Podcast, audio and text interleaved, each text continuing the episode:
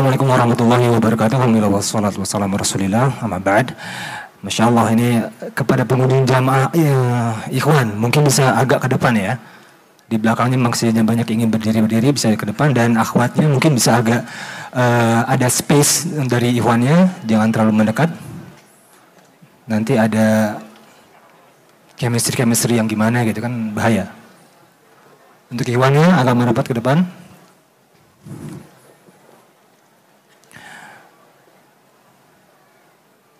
Jadi Masya Allah kita dihadiri oleh pakar-pakar ekonomi Insya Allah Ta'ala dan kita sangat apa ya interesting dengan apa yang kita bahas dan Insya Allah kita akan membahas tentang studi kritis fikih muamal kontemporer dan Insya Allah kita juga mengetahui yang di depan ini ada Ustaz Dr. Erwani Tarmizi Hafizahullah Ta'ala, ada Ustaz Sofian Baswedan MA, dan ada Ustaz Muhammad Dok, Dr. Muhammad Arifin Badri MA Hafizahullah Ta'ala. Dan kita akan membahas, hmm, mungkin di sini kita tadi ada yang datang uh, pakai ojek online ya. Ada yang pakai mobil apa mobil online mobil nyebut taksi online. Nyebut merek agak-agak gimana gitu. Pengen nyebut merek cuman takutnya nanti kita ada masalah lagi. Kelepasan. Tapi memang yang kita ketahui ya ojek online dan mobil taksi online ini kita mungkin tadi juga datang pakai itu. Saya termasuk yang pakai ojek online karena menghindari macetnya ibu kota ya kan dan juga malas uh, apa namanya parkiran di sini yang cukup traffic. Kita akan mungkin dari Ustadz Erwandi terlebih dahulu. Mungkin bisa Eh, masya Allah. Kan, kanan anon kan Ustadz Erwandi. Baik, mungkin bisa di uh, mic-nya type Ustadz Dr. Erwandi. Kalau kita sering lihat di kajian-kajian antum di YouTube, mungkin juga sering datang ke Blog M Square ataupun menonton saksikan Roja TV. Permasalahan ojek online ini sebenarnya klasik ya Ustadz. Dan pembahas, eh, pertanyaannya selalu itu saja itu saja. Tapi tetap saja orang masih kepo, masih saja nggak percaya dengan apa yang telah Ustadz Erwan dikatakan. Karena masih aja ada yang mengatakan ini nggak apa-apa kok misalkan uh, terlebih yang memakai um, elektroniknya Ustadz, uang elektroniknya yang di dalam ojek online tersebut. Sebenarnya apa sih? Apa karena ada yang bilang ini hanya wadiah menitip.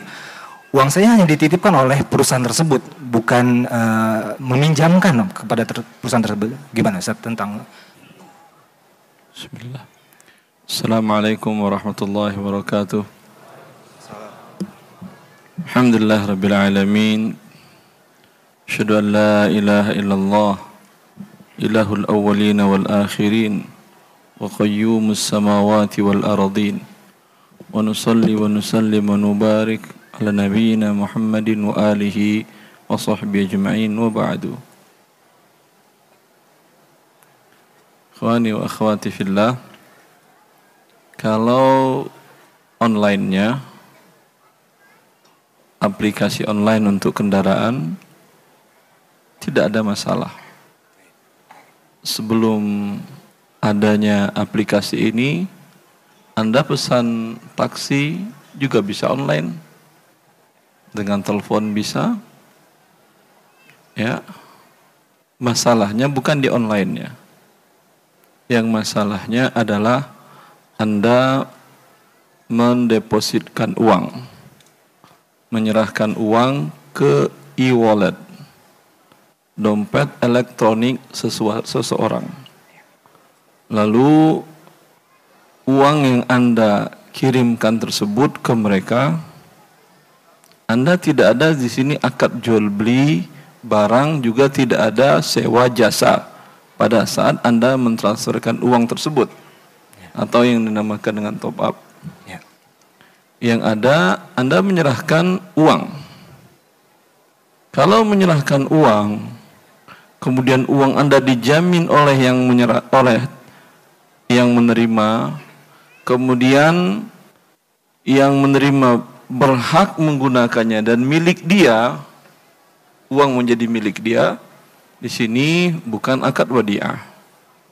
Di sini adalah akadnya raddul mali liman yantafi'u bihi wa yaruddu badalahu.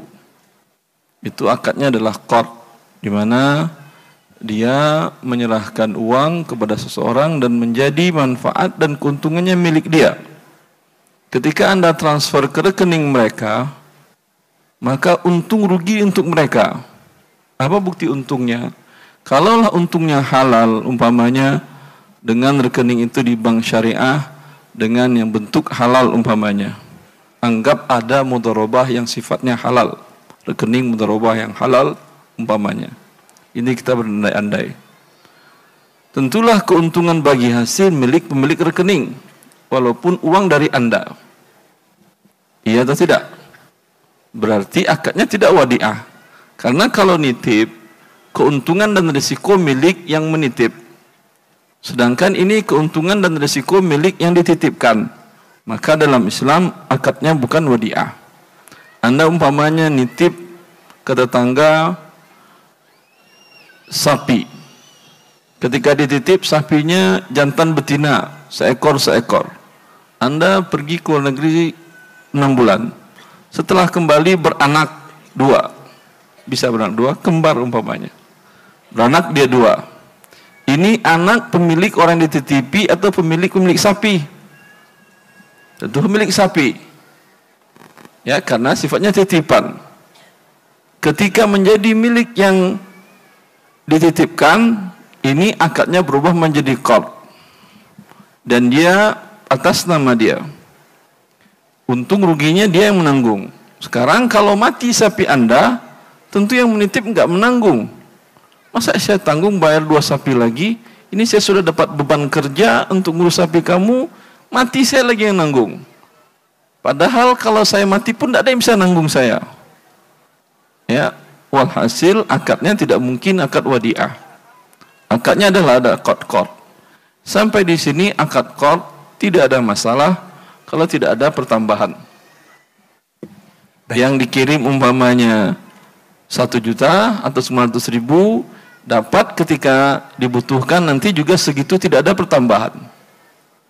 Terus? Baik, berarti ketika yang memakai jasa ini uh, memakai aplikasi ini dengan elekt menitipkan uang bukan menitipkan jadi uh, memberikan tidak mendepositkan. meminjamkan. Meminjamkan. Jadi uh, mungkin Ustaz yang Sufyan atau Ustaz Arifin ada karena ini kita studi kritis apakah ada perbedaan Apakah Ustaz uh, Sufyan uh, ini uh, sama dengan akad kod atau yang seperti ada juga pendapat yang lain? Mohon Ustaz Dokter. Bismillah, Alhamdulillah, wassalatu wassalamu ala rasulillah wa ala alihi wa sahbihi man wala hamma ba'd. Ya memang dari definisi qard daf'u malin liman yantafi'u bihi wa yaruddu badalahu ya sesuai itu itu hakikatnya qard ya karena nggak mungkin uang yang sama karat itu artinya ya ngutangi lah Taib. ngutangi Taib. gampangannya gitu ya hmm. karena nggak mungkin zatnya kita ambil kembali yang kita ambil adalah badalnya hmm. nil sesuatu yang senilai dengan hmm. uang yang kita depositkan yang kita top up kan hmm. jadi hakikatnya memang itu kort jadi bukan ini bukan wadiah ya, bukan wadiah, bukan bukan menitip ya Ustaz ya. Kalau wadiah itu daf'u malin liman yahfazuhu wa yaruddu ainahu. Menyerahkan mal, harta kepada orang yang bisa menjaganya, bukan untuk dimanfaatkan. Untuk dijaga saja. Dan dia mengembalikan zatnya itu sendiri. Misalnya uangnya ada nomor serinya satu juta rupiah nomor serinya sekian sekian sekian sekian sekian. Dan dikembalikan hak. Iya itu juga nomor serinya sama. Masya Allah. Itu namanya wadiah. Masya Allah. Baik. Karena insya Allah sudah jelas dengan dua dan insya Allah Ustaz Arifin juga sama ya Ustaz ya. sama. Taklid. Baik. Berarti ketika nanti eh, teman-teman kita mungkin sudah ada di antara kita yang men-top up. Bila dipakai dan uh, tidak tapi yang ada ketika kita memakai yang elektronik tersebut biasanya ada perbedaan ya Ustaz antara yang cash dengan yang elektronik tersebut. Mungkin di sini ada kenapa harus berbeda dan kenapa uh, yang menjadi elektronik ini berbeda dan menjadi ini tidak boleh. Ustaz Arifin mungkin? Alhamdulillah wassalatu wassalamu ala Rasulillah wa ala alihi wa ashabihi wa man ma ba'du. Agar antum lebih uh, bisa memahami perbedaan antara nitip dengan ngutangi. Kalau nitip istri boleh dipakai tidak? Jangan khawatir masih banyak nanti saya ganti yang lebih cantik, lebih muda, mau. Tapi kan praktek nitip yang di top up itu kan dananya dipakai, dikelola. Ya. Sehingga di sini akadnya adalah utang piutang dan kaidah baku dalam utang piutang setiap pertambahan nilai atau keuntungan yang didapat karena adanya piutang yang diberikan kullu qardin jaranafan fa riba itu adalah riba. Ya. Yang kedua, tinjauan menurut saya bukan hanya sekedar faktor ribanya saja, ada selisih nilai, ada piutang yang kemudian kita mendapatkan diskon. Saat uang saya satu juta tidak menjadi satu juta seratus, ya. Tapi Anda mendapatkan potongan harga itu adalah sebuah keuntungan yang dikatakan riba. Ada hal yang lebih besar skalanya dibanding sekedar faktor riba, yaitu faktor eh, umat akan dilucuti dari semua aset dan kekayaannya. Kenapa demikian? Antum jual tanah duitnya tidak simpan di bawah bantal, khawatir digerogoti istri, ya kan? Punya dapat gaji tidak mau dimasukin di dompet disimpan di lemari. Tiap hari anaknya minta beli sepeda baru, habis ujung-ujungnya. Diletakkan di mana? Di perbankan. Yang sudah dianggap safety, tidak dibutuhkan, disimpan di bank. Sudah di tangan antum. Kemudian pemilik bank nanti dengan uang itu membeli tanah antum, rumah antum.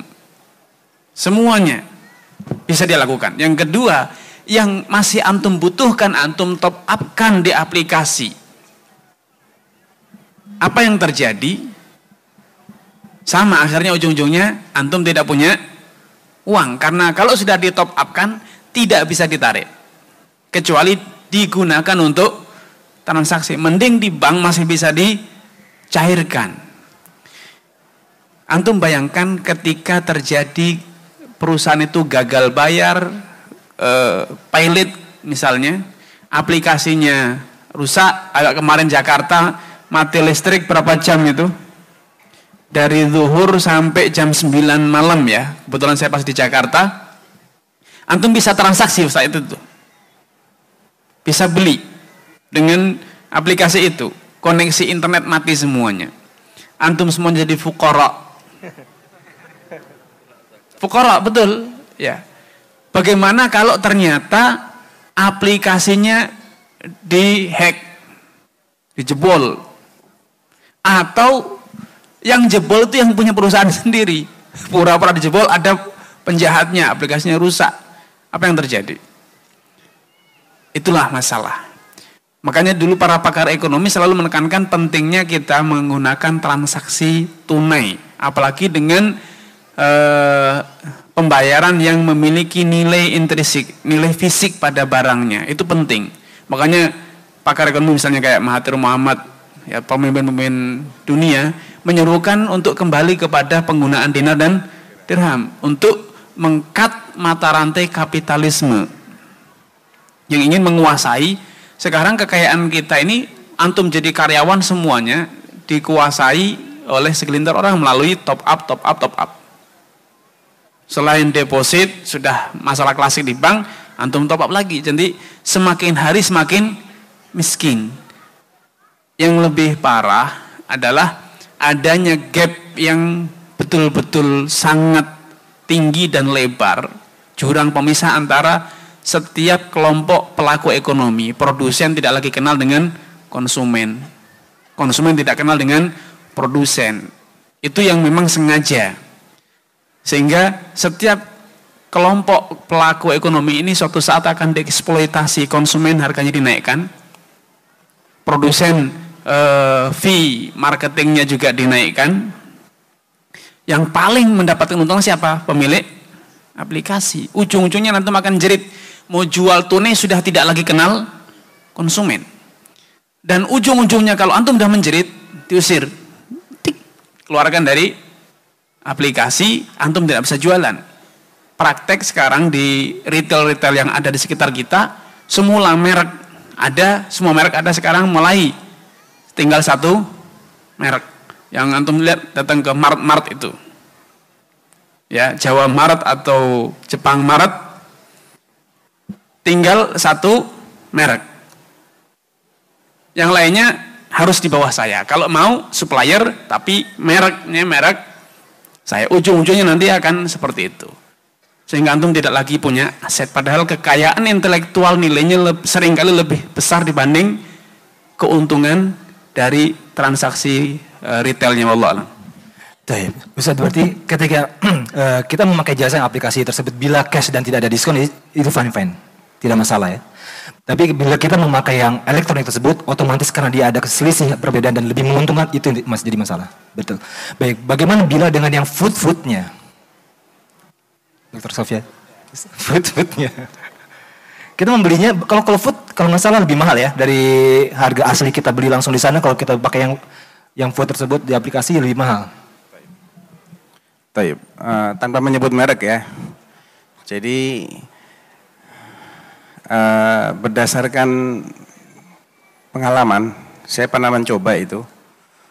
Ada nggak perbedaan kalau saya pesan tanpa menggunakan uang elektronik tadi, saya akan bayar tunai. Saya pesan dengan uh, nilai makanan itu di bawah 200 ribu dia akan keluar ongkos kirim sekian. Ketika nilainya itu 200 ribu atau lebih ke atas, nilainya beda ongkos kirimnya. Nah, kenapa beda? Ini pertanyaan. Kemudian logikanya berat mana nih? Kita naik kendaraan itu, naik ojek itu ke lokasi ya dengan nganterin makanan dari toko makanan ke tempat kita. Mana yang lebih berat? Tentunya yang mengantar manusia lebih berat daripada mengantar makanan. Tapi anehnya justru tarif mengantar manusia lebih murah daripada mengantar makanan. Nah, ini menunjukkan ada sesuatu yang yang janggal. Tidak murni dia itu jualan makanan. Karena ada unsur dia menanggung dulu nilai makanan yang kita pesan dan kita bayarnya nanti setelah makanan itu nyampe ke kita. Nyampe ke kita baru kita bayar tunai. Ketika pesanan itu sudah masuk ke si penjual makanan melalui pemilik aplikasi ini, ya, maka otomatis satu hari kemudian 24 jam hari kerja ya. Jadi kalau kena hari libur mundur. 24 jam kemudian si pemilik aplikasi akan membayar sesuai dengan kesepakatan di antara mereka berdua sekian persen buat yang punya aplikasi, sisanya buat yang jualan makanan. Itu dibayar kapan? H plus 1. Ya, H plus H plus 1. Nah, ada beberapa masalah yang yang muncul di sini. Pertama, perbedaan ongkos kirim. Padahal misalnya nih beli hamburger 4 harganya 199 ribu. Nambah satu, ongkos kirimnya jadi hampir dua kali lipat. Padahal jarak tempuhnya sama. Sedangkan kalau kita yang naik, naik itu kendaraan itu ke sana lebih murah. Bahkan sampai tiga kali lipat lebih mahal. Saya pernah coba, saya pesan dari hotel, cuman jarak 300 meter berdasarkan aplikasi itu 0,3 km jaraknya. Saya pesan di bawah 200 ribu dapat 11 ribu rupiah. 200 ribu sampai sekian 13 ribu. Saya nggak jadi pesan. Saya cuma ngecek aja pengen tahu harganya berapa gitu ya. Kemudian saya pakai yang jasa ngantar orang, bukan ngantar makanan. Cuman 4 ribu. Padahal yang diantar jauh lebih berat daripada makanan yang mau kirim. Jadi kan ada ada keuntungan yang terselubung di balik uh, jualan food tadi. Itu yang jadi masalah di sini. Agak berimbang mungkin di sini ada driver. Food food tersebut uh, driver food food kaki ya. Food food. eh, driver. Driver, baik. Ada ada tape. Biar bisa dijelaskan. Mungkin ada yang kalau dia takutnya apa ada perbedaan juga mungkin driver yang lain bisa menambahkan. Afan, Ustadz, saya juga ada pertanyaan yang belum terjawab di eh, bentar antum uh, ini dulu. Oke oke. Ditanya okay, gimana okay. tadi tentang uh, pendapat dari Ustadz Sofyan mengatakan apakah benar seperti itu? Iya benar Ustadz. Benar. Seperti apa tuh? Jadi nominalnya itu lebih mahal buat foodnya daripada bawa orangnya. Hmm. Tapi ketika misalkan Ustaz Sofian memesan uh, harga 200 ribu ke bawah itu uh, ongkos kirimnya tadi 11 ribu ketika menambah item satu lagi 200 lebih menjadi 13 ribu begitu Ustaz? Betul segitu? Iya jadi kalau dari drivernya pun ada pen, uh, misalkan si driver ini belanja sekian kita cuma dapat nom poin sekian misalkan satu sedangkan kalau kita belanja di atas 200 ribu atau 300 ribu itu ada poin tambahan jadi ada keuntungan lebih buat driver apabila poin terpenuhi hmm. dalam satu hari. Hmm. Begitu Ustaz. Berarti itu uh, berlebihnya ongkos kirim dan lain-lain itu poin buat driver. Kalau dapat sekian poin dalam satu hari, kalau enggak berarti poinnya hangus. Oke. Okay. Berarti saya ingin tambahkan Ustaz. Ada saya ingin tambahkan apa yang tadi kita dengar bersama itu adalah salah satu indikator, saya katakan indikator bahwa agar antum tetap di rumah jangan berinteraksi langsung dengan siapa? Penjual. Sampai nanti pada suatu titik antum tidak lagi tahu di mana barang itu dijual. Karena apa? Karena penjual sudah merasa kos sewa toko itu sudah terlalu mahal ya. Sehingga mereka tidak lagi perlu untuk punya etalase satu toko. Akhirnya mungkin mereka sewa rumah, industri di dalam rumah, rumahnya di belakang antum, antum tidak lagi kenal. Kenapa? Dia kemarin antum ngerti dulu rumah makan itu di sini. Ketika sudah semua pakai aplikasi, untuk apa saya sewa toko? Mending saya industri di rumah, home industry, nanti tinggal panggil. Karena e, suatu saat nanti aplikasinya akan dirubah uh, pakai ID. Penjual satu ID-nya sekian, kodenya. Tidak lagi ada nama orang. Tidak ada lagi nama rumah makan. Yang dikenal adalah produknya. Kalaupun masih ada nama makan, alamatnya sudah hilang. Suatu saat alamat sudah hilang, beban yang dibebankan kepada e, merchant itu dinaikkan sampai akhirnya suatu saat antum menjerit tidak lagi mampu untuk melayani e, apa namanya permintaan. Akhirnya antum innalillahi wa inna ilaihi rajiun. Harus menyerah. Maka merek antum akan diambil kan antum pertama tidak punya merek dagang yang resmi. Tidak punya hak paten, ya. Sehingga merek itu bisa diklaim dengan mudah antum tidak bisa klaim karena antum tidak punya, dipatenkan sama mereka. Ini adalah sebuah sistem yang memang didesain sedemikian rupa dan ini sudah dalam Al-Qur'an sudah diberikan satu warning jelas ya, kailayakuna dulatan bainal minkum. Agar kekayaan itu tidak berputar hanya di segelintir orang saja. Dan ini yang sedang kita saksikan di depan mata. Ya, kekayaan itu berputar di segelintir orang antum belum transaksi saja uangnya sudah di tangan dia. Bagaimana kalau antum sudah bertransaksi. Makanya eh, pasar tradisional biasakan kita berperilaku. Ada lagi hal yang penting bahwa tatkala terjadi interaksi langsung, sering kali ada imbuan. Itu sederhana ya. Diimbui sama pedagang. Antum bisa nawar. Ya, kalau bertransaksi secara online itu tidak ada nawar. 100 ya kelipatan yang berlaku. Tapi ketika antum transaksi langsung 100 itu logikanya apa? Harganya lebih murah dibanding kalau antum beli satuan. Ingin merusak budaya ekonomi bahwa grosir itu lebih murah dibanding eceran. Itu antum mulai lupa adanya harga grosir. Sehingga dia akan menikmati ketika e, suatu saat nanti satu order itu 100 pieces, dia akan mendapatkan poin yang lebih besar, dia akan mendapatkan uh, fee yang lebih besar dibanding di, uh, dari penjualnya merchantnya dan antum tidak menikmati itu. Ya, terlalu banyak masalah yang ada di situ. Maka itu saya pernah nulis, saya sarankan let's go saja solusinya. Dengan siapa ya? Dengan istri lah masa dengan antum kalau saya mau belanja ya. Baik Ustaz. Kebanyakan teman-teman driver itu uh, memilih menjadi uh, layanan antar GoFood ataupun barang karena menghindari menggendong yang di belakang gitu kan penumpang penumpang perempuan gitu kan karena kan khawatir tiba-tiba ketika dia ngantar manusia atau ngantar orang Tiba-tiba yang, yang menerima adalah apa? Yang meminta adalah akhwat, gitu kan. Jadi dia mereka memilih untuk mengantar barang ataupun makanan. Untuk driver sendiri, hukumnya gimana, Ustaz Rafandi? Bismillah, saya cuma tertarik.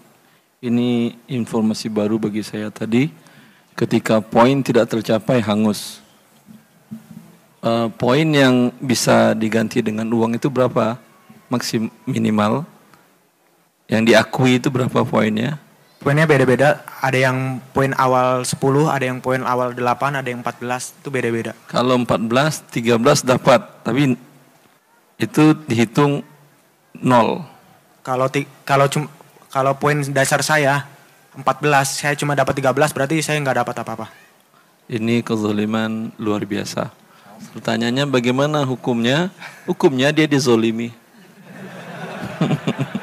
Dizolimi. Ustaz, tapi ada Kalau- orang yang menikmati untuk dizalimi Ustaz. Alhamdulillah.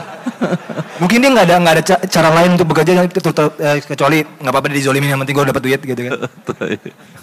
Jadi derita Dapat itu duit kalau dari mana dia berkepanjangan. Dapat duit dari mana dia dizolimi? Antum sehari bisa dapat berapa? Kalau lima tahun sebelum eh lima bulan sebelum ini poin itu mudah Ustaz. Sebelum mitranya banyak. Setelah mitra banyak itu poinnya ditambah sedangkan pendapat eh, bonusnya dikurangin. Di sini pasti banyak juga nih mitra ini semua di sini. Saingan antum semua. gitu ya, jadi di- dikurangin. Walhasil ini adalah transaksi yang haram. Wow. Ya, transaksi haram di mana ini gharornya tinggi. Anda sudah keluar keringat dan segala macam, tapi dinilai nol karena tidak mencapai target.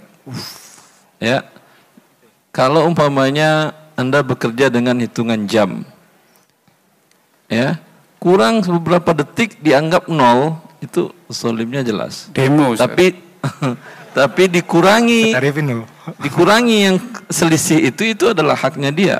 Anda dapat 8 dia dibayar 8, tidak dibayar 14. Ya, wallahu a'lam.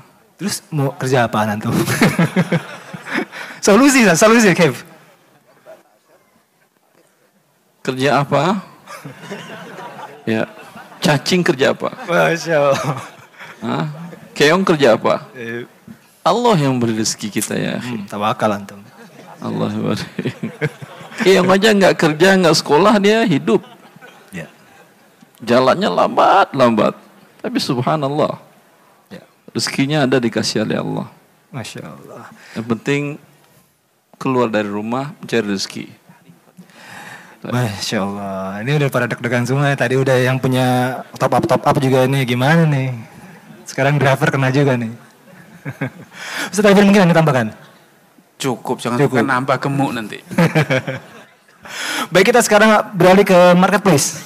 Banyak juga ya kita eh, apa namanya orang-orang belanja online, marketplace yang hijau, marketplace yang orange ya kan. Marketplace warna apa sih? Banyak ya. Sekarang eh, itu saingan tuh orange sama hijau tuh. Merah juga yang, lokal ya. Nah. Hah? Apa? Per, pelaku. Bukan pelakor ya, Ustaz. Permasalahannya Ustaz, ketika kita online tersebut Anda mengatakan eh, bisa membelanja dengan eh, menawar kalau kita datang langsung ke pasar dan lain-lain. Permasalahannya kita lebih sering ditipu ketika langsung belanja di tempat yang face to face. Sedangkan di online ini tersebut kita bisa eh, cari nama yang kita inginkan, berbagai macam harga keluar. Kita cari yang paling murah, sampai murah pun ini, uh murah banget nih. Karena di tempat yang kita ketahui, di tempat yang eh, langsung kita datang itu harganya jauh lebih murah yang ini. Makanya ini yang tergiur orang untuk eh, menjadi eh, belanja online. Setelah itu, oke kita nggak ngomongin cashback dulu Ustaz ya. Kita kita eh, belanja online di marketplace itu sendiri gimana sih? Ini standar dulu aja. Ustadz Arifin. Ya, eh, marketplace itu sebetulnya adalah etalase ya. Kalau kita di konsep yang klasik, banyak pusat-pusat perbelanjaan yang menyewakan etalase kita untuk memajang produk bertransaksi, jual beli. Secara hukum asalnya tidak masalah ya. Secara hukum asalnya tidak masalah jual di marketplace. Muncul masalah tadi ketika kita dengan top up ada potongan harga. Kemudian eh, pihak penyedia marketplace mulai dengan sengaja mengkondisikan agar transaksinya itu terjadi antara customer dengan pemilik marketplace, tidak lagi dengan merchant. Peran merchant mulai dikerdilkan, mulai disamarkan sampai suatu saat nanti transaksi itu antara kita dengan penyedia marketplace. Kenapa? Karena mereka berkepentingan dibanding cuman sekedar menyewakan tempat logika bisnisnya. Kalau hanya sekedar marketplace menyediakan lapak saja, menyewakan, tidak menjual maka keuntungannya sekali yaitu dari nilai sewa. Tapi kalau ternyata barang yang dipajang itu adalah barang kita juga, keuntungan kita dua kali. Dari nilai penjualan harga dasar dari pelapak 10.000 di markup 1.000. Dapat keuntungan dari penjualan. Belum lagi nanti dia misah masih apa? fee dari pelapaknya. Tentu ini berlipat ganda dan arahnya sama. Ujung-ujungnya nanti e, interaksi dengan antara pelaku ekonomi itu akan dibuat gap. Yang itu nanti ujungnya mereka menjadi jembatan. Harus lewat mereka, harus lewat mereka. Belum lagi nanti dari dana top up itu digunakan untuk pembiayaan. Kalau mau beli dengan pembiayaan bisa. Bukankah gitu? Di marketplace sudah mulai banyak itu menyediakan kredit. Duit siapa? Ya duit yang antum top up itu.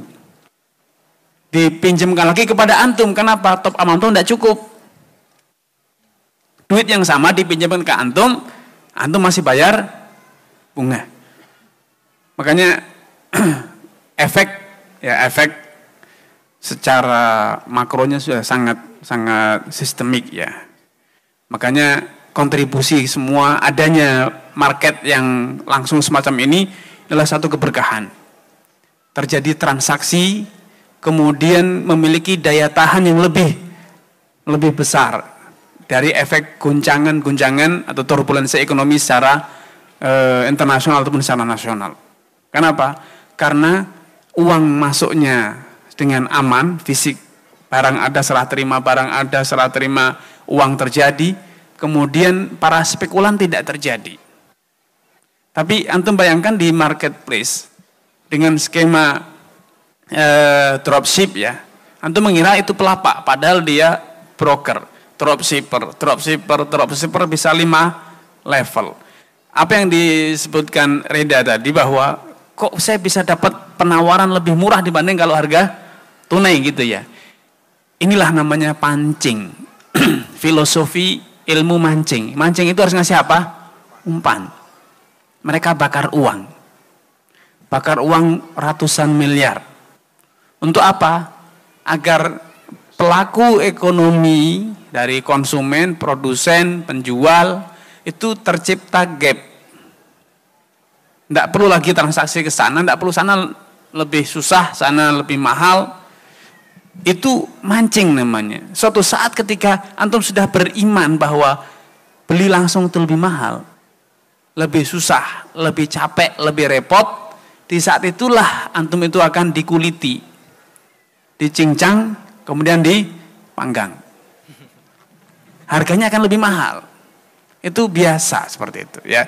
Sehingga adanya Muslim Life Fires ya KPMI dan semua yang terlibat di sini ini adalah untuk menghidupkan kembali kesadaran bertransaksi secara langsung berinteraksi secara langsung antara semua pihak ya antara pemodal pemilik produk eh, jasa berbagai macam jasa terlibat di sini.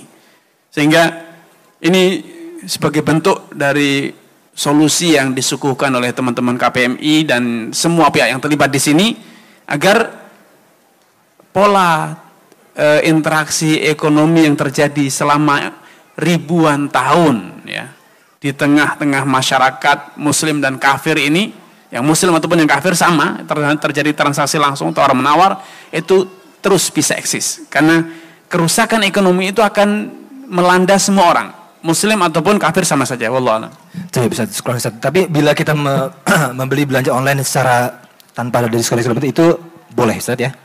Boleh. Baik. Baik. Adapun bila nanti ada free ongkir, biasanya yang orange-orange itu banyak banget free ongkir. Gimana Ustaz Sofian?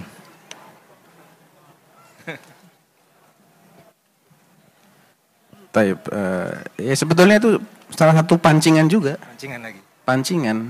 Jadi mereka memang investasi luar biasa ya di awal-awal ya. Karena logikanya nggak mungkin dia mau mendapatkan pelanggan sampai puluhan juta. Kalau barangnya nggak lebih murah daripada barang di pasar. Dan dia juga nggak mungkin bisa mendapatkan merchant atau driver sampai ratusan ribu kalau insentifnya tidak lebih baik daripada yang konven. Mana mungkin dia di sini murah banget, di sini tinggi banget kalau nggak ada subsidi di awal. Kan nggak mungkin.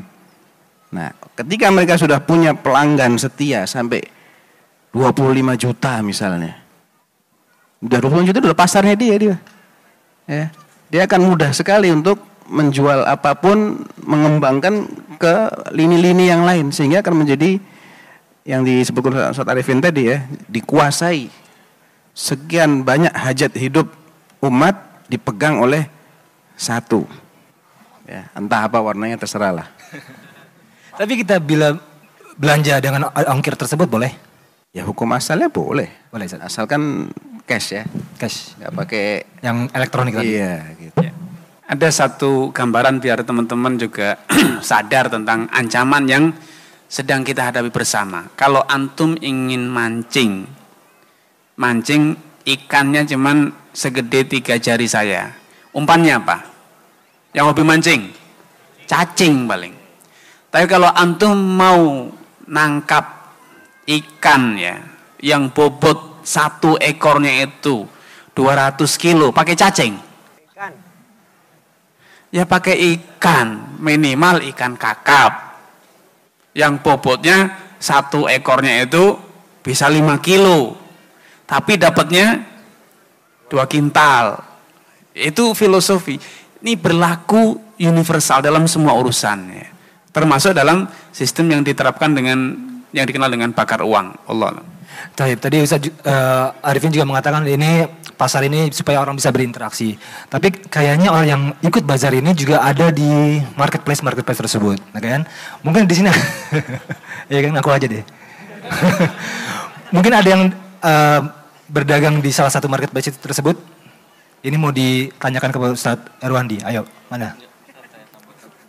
Tambahkan dulu, silakan Ustaz. Sebelum dia bertanya, saya jawab.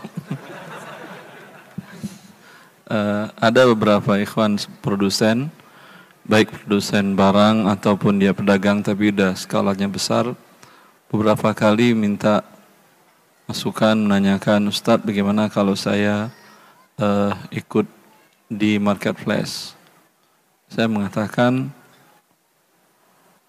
selama ini usaha Anda itu ada distributor, ada agen, ada agen kota, ada agen kecil lagi di bawah. Ya, itu memang Anda langsung potong jaringan itu Anda jual di marketplace umpamanya. Memang untung Anda lebih besar. Tapi tahu Anda bahwa selama ini yang membesarkan usaha Anda adalah mereka. Sekarang Anda potong itu, Anda ingat, ini pengangguran baru ini.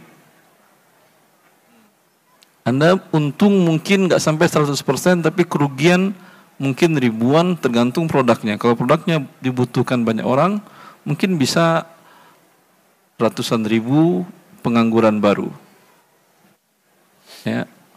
Dan ingat ya ikhwan, innama tunsaruna wa turzaquna bidu'afaikum. Kalian diberi rezeki dan dibantu oleh Allah dengan sebagian riwayat dengan doa-doa dari orang-orang yang lemah di antara kalian. Satu distributor tadi membawahi banyak keluarga agen-agen tadi memiliki keluarga yang banyak dinafkahinya. Belum lagi karyawan-karyawan setiap agen tadi.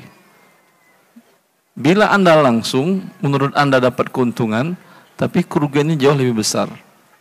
Dan bukankah dalam hidup ini semakin banyak khairun nasi anfa'hum linnas bahwa manusia yang terbaik bukan yang terkaya.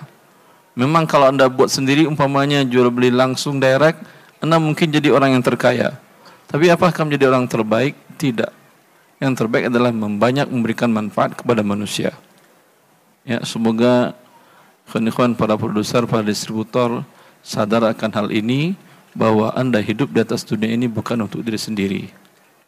Semakin banyak keluarga yang bisa terbantu dengan usaha Anda, semakin Allah memberikan keberkahan kepada Anda dan keluarga Anda. Jadi, sekarang saat Sebelum mereka bertanya, saya jawab. Bagaimana bila si produsen ini ikut marketplace tapi tidak meng, eh, tidak mengkat karyawan-karyawannya? Maksudnya dia tetap mau bantu. Saya ulang. Bila dia masuk ke marketplace, orang mau nggak beli ke agen-agen dan disebut terbawah lagi? Jadi, Dia memang tidak mengkat, tetap itu jalan. Tapi kira-kira mau nggak orang beli ke sini lagi? langsung direct ya Ustaz ya. Buktinya tutup mall-mall, tutup toko-toko itu kenapa? So, Banyak pengangguran kan. baik. Boleh tapi merugikan orang gitu ya. Ustaz. Baik. Mungkin di sini ada yang eh, ada yang jualan di marketplace. Ada.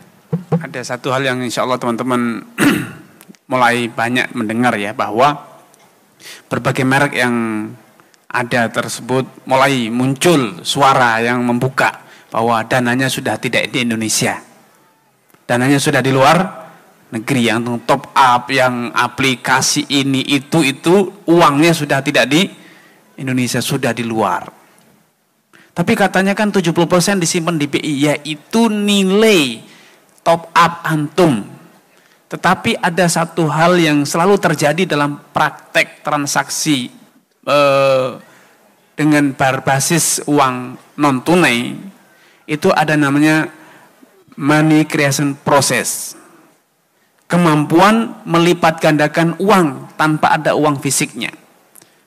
Ketika dia punya sekian top up yang nilainya misalnya satu triliun, maka pembiayaan transaksi yang dilakukan secara non tunai ini akan dengan uang yang sama sehingga dia bisa melakukan transaksi yang nilainya bisa 10 triliun karena uang fisiknya tidak ditarik.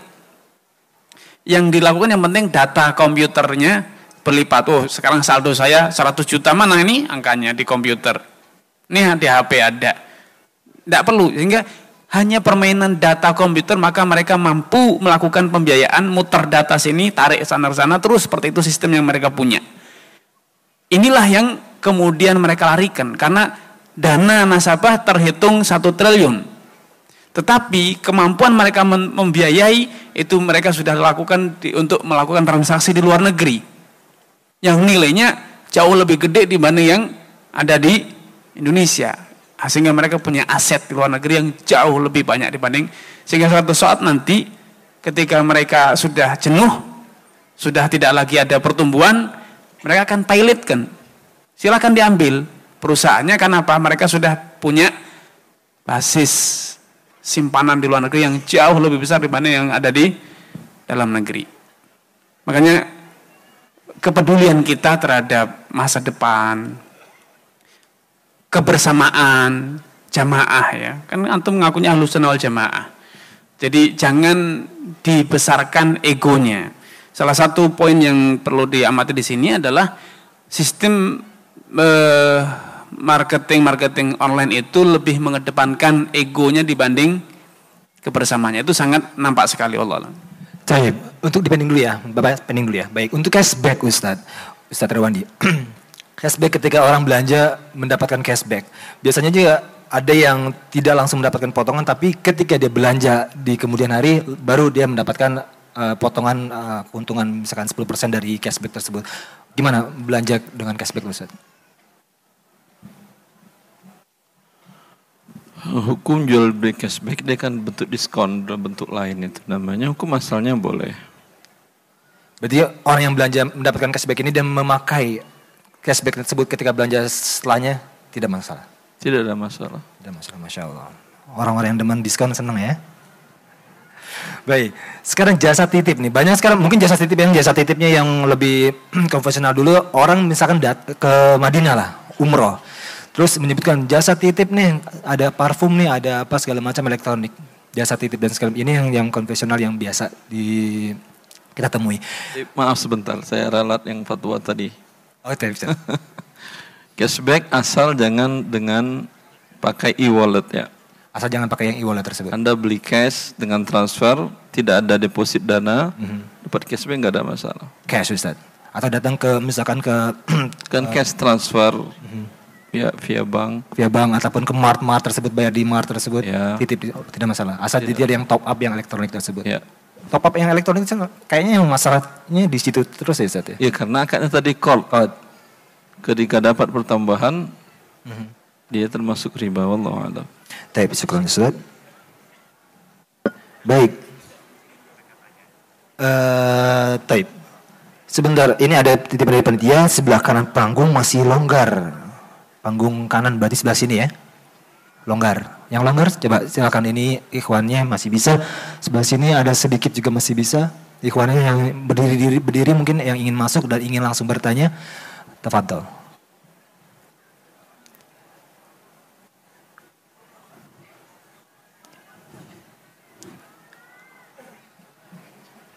Taib.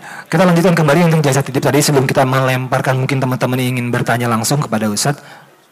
Untuk jasa titip yang kita misalkan berpergian Ustadz, Safa dan lain-lain kita menemukan apa barang-barang yang bagus dah, yang banyak juga titip dong parfum, titip dong misalkan sepatu dan lain-lain. Jasa titip seperti apa yang dibolehkan, apa yang tidak boleh? Bagaimana Ustadz Sufyan mungkin? Ustadz Arifin saja.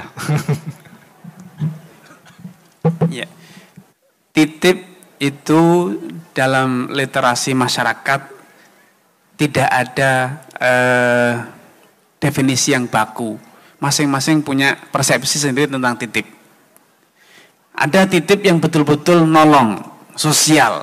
Ini uangnya dibelikan nilainya 10, ya diberikan 10 kalau ada kelebihan dikembalikan. Ini sosial. Itu halal, tidak ada masalah, ya. Nitip yang kedua, ya nitip ya tapi tidak ngasih uang. Terus bayarnya pakai apa? Ya bayarin dulu. Kan gitu. Kita udah telat informasi, oh si fulan ana lagi umroh ya akhi. Wah kebetulan nitip dong. Makanan ini atau pakaian ini dan itu. Uangnya mana? Ya bayarin dulu gampang kawan. Gitu kan? Maka kalau itu nanti dibayar dengan harga yang sama tanpa kelebihan atau kekurangan. Kalau dibayar dengan rupiah misalnya, dia beli dengan real. Maka ini jadi masalah baru. Sebelum itu, kalau dia beli real dibayar dengan real lagi, maka clear tidak ada masalah karena tidak ada keuntungan ya, harganya sama. Tapi ketika dibelikan di sana pasti pakai real. Bayar sini tidak punya real, bayarnya pakai rupiah. Berapa krusnya? Ini misalnya 1000 real. Krus real di pasaran berapa? Macam-macam. Ada yang 3.800, ada yang 3.850, macam-macam nilai krusnya. Dengan nilai apa yang kita, dengan krusnya siapa kita pakai? Di Bank Toyib yang tidak pernah pulang, krusnya 4.000. Di Bank Ja'far yang selalu pulang, atau yang sudah pulang, nilainya 3.900 misalnya. Maka para ulama di sini berbeda pendapat. Bolehkah menggunakan krus yang eh, sudah menjadi acuan masyarakat luas? Kalau di kita ya berarti standarnya adalah BI ya misalnya. Atau boleh menggunakan krus sendiri. Satu realnya dinilai sekian ya, 4000 oke, 4000 Berarti Anda harus bayar 4 juta. Ini ada dua pendapat kan ulama. Eh, Allah alam yang menurut saya lebih kuat adalah pendapat yang boleh menggunakan krus yang disepakati, tidak harus mengikuti rate yang ada di perbankan mana pun. Tetapi model yang selanjutnya ada nitip, nah, nitip sudah saya belikan nih barangnya, saya beli seribu, seribu itu 4 juta anggap, saya kasihkan anda 5 juta, kan ada keuntungan. Karena apa? Saya membawanya capek, milihnya, bagasi dan macam-macam. Ngurangi bagasi saya. Saya kasih harga 5 juta ini bukan nitip, tapi menjual. Padahal ketika transaksi, ketika ya nitip saya belikan, yang dititipi belum punya uang, eh, belum punya barang, yang nitip juga belum ngasih uang, sehingga di sini terjadi bay dan bid dain. Terjadi transaksi barang tertunda, uang tertunda itu sepakat para ulama haram hukumnya. Ini yang model titip klasik. Ya. Dan yang sekarang di online, titip jasa titip online e, berbagai macam merek ya ada bahwa titip ini driver sama kasusnya nalangi dulu. Nalangi nilai transaksinya. Nilainya 300 ribu rupiah. Kemudian ketika barang diantar ke alamat yang dituju ada kos ongkos kirim ya. Jasa antar. Sehingga di sini ada transaksi nalangi dan jual beli jasa. Sehingga ini masuk dalam kriteria hadis Nabi sallallahu alaihi wasallam naha an bai'in wasalaf. San salafin wa bai'. Nabi itu melarang kita menggabungkan antara e, talangan utang piutang dengan jual beli sesuatu. Jual beli sesuatu di sini adalah jasa. Sehingga ini potensi terjadi praktek riba. Karenanya gimana caranya solusinya Ustaz? Solusinya antum berangkat sendiri itu yang paling bagus. Apalagi bonceng istri ya, masih muda, harmonis sekali. Yang kedua, kalau tidak bisa ya panggil saja drivernya nih ke sini dulu ke rumah, ambil uangnya, beli. Lebih mahal Ustaz, lebih merepotkan. Ya, karena e, kalau kita ingin ya ingin yang jelas-jelas halal, maka antum berangkat sendiri itu manfaatnya jauh lebih jelas. Tapi tatkala itu tidak bisa harus ditalangi maka muncullah masalah di sini karena talangan itu adalah akad utang piutang atau korb. Itu tidak boleh ada keuntungan secara langsung. Nih talangi 10 ya, nanti kembalinya 11 itu haram atau e, keuntungan yang terselubung yaitu saya talangi bayar seribu tetap seribu tapi nanti jasa saya. Saya kan membelikan dan ngantar. Ya harus ada keuntungan. Maka ini menyebabkan adanya talangan ini kesanggupan untuk nalangi dulu itu menjadikan jasa kita menjadi laku. Dulu ojek pangkalan tuh ndak ndak banyak yang ngelirik. Kenapa? Karena ndak mengutangi. Ketika sekarang ojek-ojek online itu mau nalangi, jadi laku. Inilah sebab e, analisa yang dikatakan tadi bahwa adanya talangan itulah menjadikan jasa kita laku. Ya ini yang perlu diingat. Jadi sebetulnya mau nitip atau mau e, yang ojek online dengan pembayaran e, top up tadi ya itu sebenarnya masa pembayarannya masih sama Allah alam. Dan sebelum kita mungkin pertanyaan-pertanyaan sudah mulai banyak yang ditulis dan ingin bertanya, satu terakhir mungkin buat Ustadz Erwandi. Dulu kita sering lihat ada foto-foto yang sempat viral, foto murid Ustadz Erwandi, ya kan, yang murid Ustadz Erwandi sedang uh, Ustadz Erwandi lagi mengajar salah satu Ustadz, terus membuat suatu aplikasi, suatu aplikasi yang P yang sudah nggak ngetren lagi itu. terus bagaimana? Apa sih yang ini tidak boleh karena apa dia MLM atau apa seperti apa Ustaz?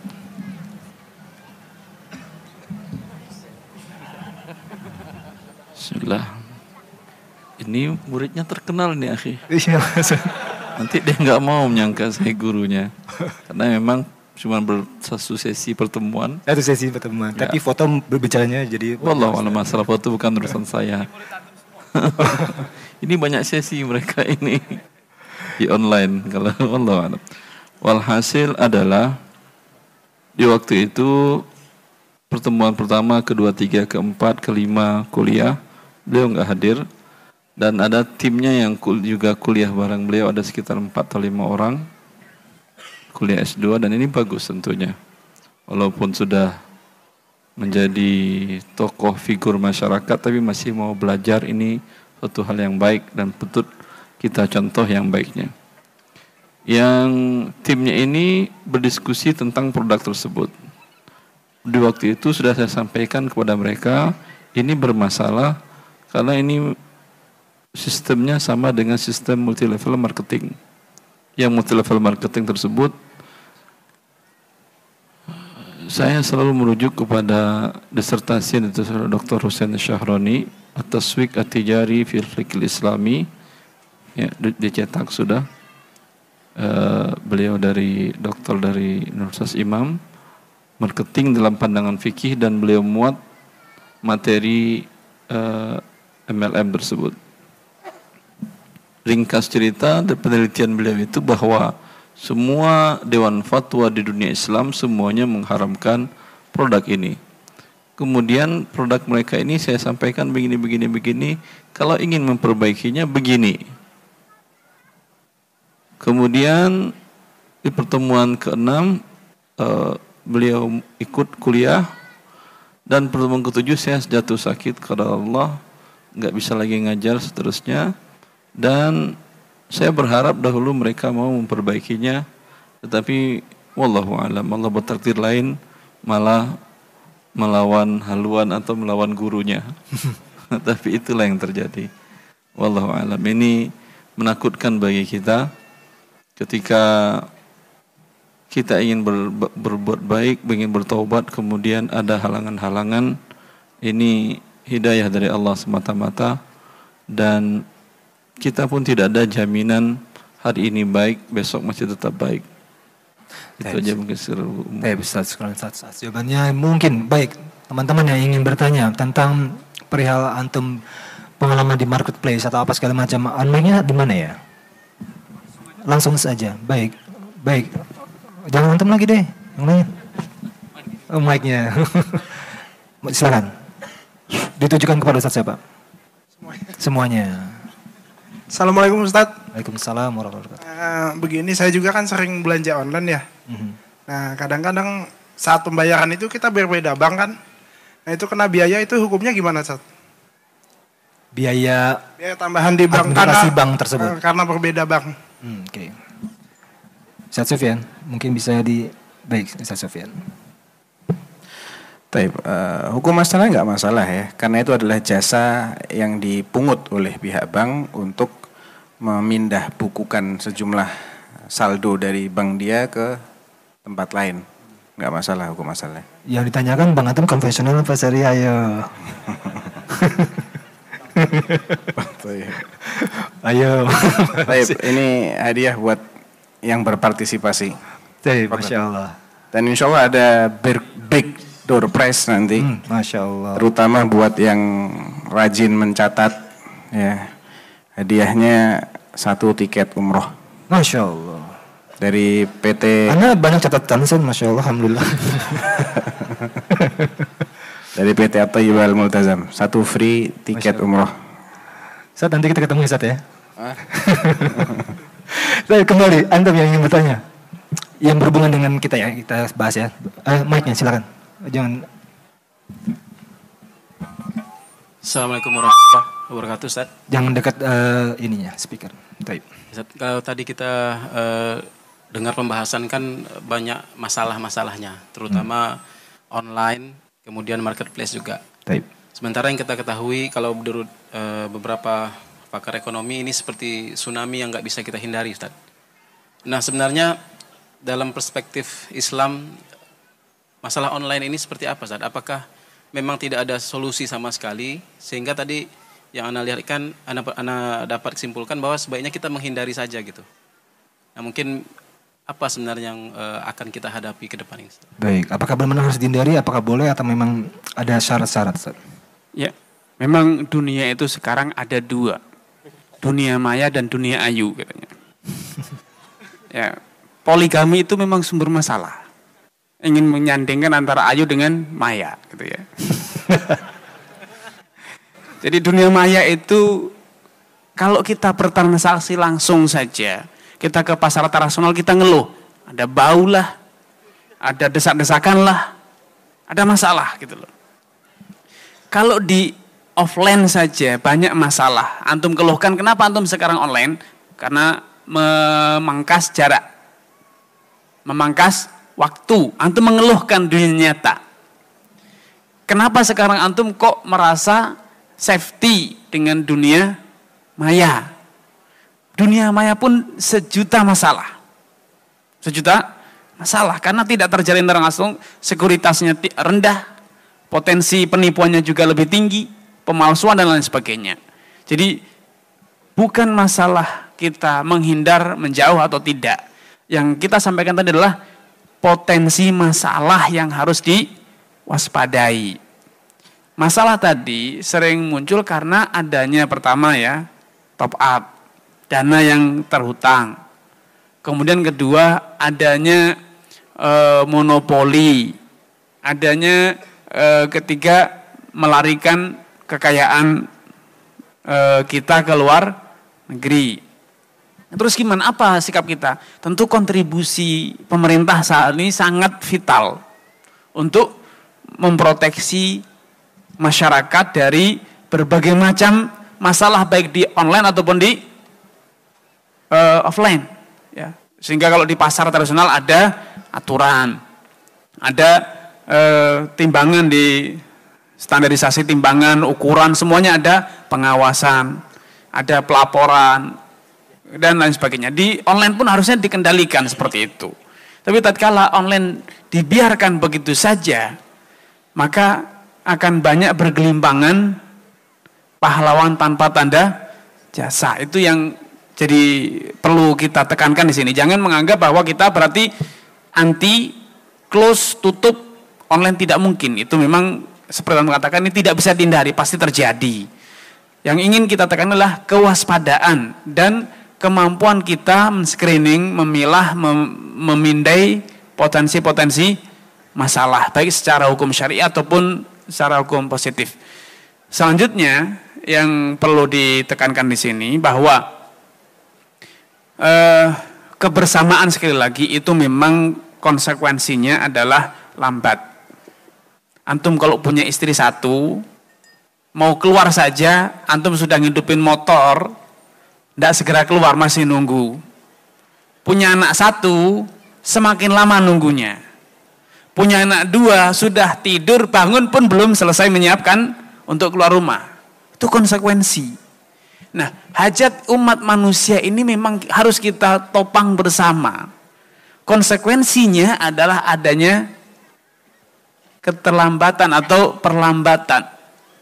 Itu berkah karena kalau antum ingin cepat bujang terus, blang blung blang blung sana sini, tidak ada yang ditunggu. Memang, tapi ya berkah itu sengsara, wong hidup bujang terus. Sama di eh, ekonomi pun, kebersamaan itu memang lama, kosnya tinggi, itu konsekuensi natural yang harus kita terima. Tetapi kalau kita ingin cepat, ya online semuanya online, pembiayaan cepat, ya celakanya juga cepat. Antum naik bus, insya Allah lebih lebih aman dibanding naik motor. Ya, naik kereta lebih banyak jumlah penumpangnya lebih aman dibanding naik bus. Itu konsekuensi. Tapi lambat kalau naik kereta tuh nunggu tidak setiap saat lewat bus. Kalau bus kan setiap saat. Motor lebih setiap saat lagi. Ketemu jurang ya dipanggul lewat. Ini satu fakta alam ya yang harus kita sadari bersama Ketika kita tidak ingin hidup dalam fakta ini, maka kitalah orang pertama yang akan menjadi korbannya. Kita akan menjadi korbannya, ya. Terakhir ingin saya eh, tanggapi dari pertanyaan tadi bahwa online, ya online ini sebagaimana di offline kita perlu belajar hukum agama. KPMI berkali-kali membuat momentum acara, event, cash dan lain sebagainya untuk mengedukasi kita semua tentang eh, hukum-hukum syar'i dalam berniaga. Kita belum banyak belajar hukum syar'i, sudah ngeluh ini ustadz dikit-dikit haram dikit haram lah. Terus gimana? Gara-gara antum tidak belajar fikih, akhirnya antum merasa susah. Tapi tanya Ustaz Rwandi, Ustaz, antum hidup susah enggak Ustaz? Alhamdulillah susah-susah senang Ustaz. Alhamdulillah. Jadi memang permasalahan itu adalah karena kapasitas kita, keilmuan kita. Umar bin Khattab dulu. Banyak orang mengatakan ayo kita dari dirikan negara Islam. Umar bin Khattab dulu salah satu instruksi inpres kalau kita bahasanya, instruksi presiden. Kalau dulu inha ya. Inho itu, instruksi khalifah. Apa instruksinya? la yattajiru fi sukina illa man faquha wa illa akal riba. Tidak boleh berdagang di pasar kita kecuali sudah ikut cash. Ustaz Irwandi ya. Jadi muridnya Ustaz Irwandi dulu baru dagang. Kalau tidak sudah bisa dipastikan dia pasti makan riba. Akhirnya susah gini salah gitu salah gara-gara antum tidak mau ikut cash. Makanya setelah uh, acara kita ini semoga cash ya banjir peserta. Komunitas pengusaha muslim entrepreneur school. Ya, kita sudah angkatan ke-8. Ya, ayo kita belajar. Kalau tidak mau ya ke STDI, ada. Kalau tidak mau mulazamah sama Ustaz Irwandi. Agar antum bisa happy kayak Ustaz Irwandi gitu, tidak pernah susah, Masya Allah, itu tenang, online mau tidak online Pak, biasa aja. Ya, Santi dan Maya bisa digabungkan sama beliau. Kalau saya takut.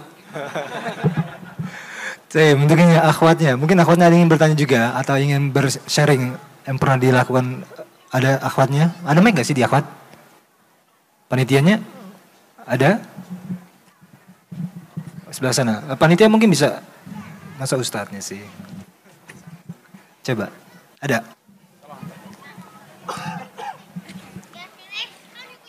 Panitia nggak ada yang standby? Tayyip. Tolong. Mohon maaf. Akhwatnya habis ini langsung dua aja ya. Habis ini langsung ingin bertanya mungkin di sana. Langsung dua agar tidak lama jadi efisien. Assalamualaikum warahmatullahi wabarakatuh. Assalamualaikum. Ustadz, uh, mungkin maaf agak sedikit melenceng. Uh, saya ingin bertanya untuk asuransi, entah itu yang konvensional ataupun yang syariah, itu sebetulnya boleh atau tidak?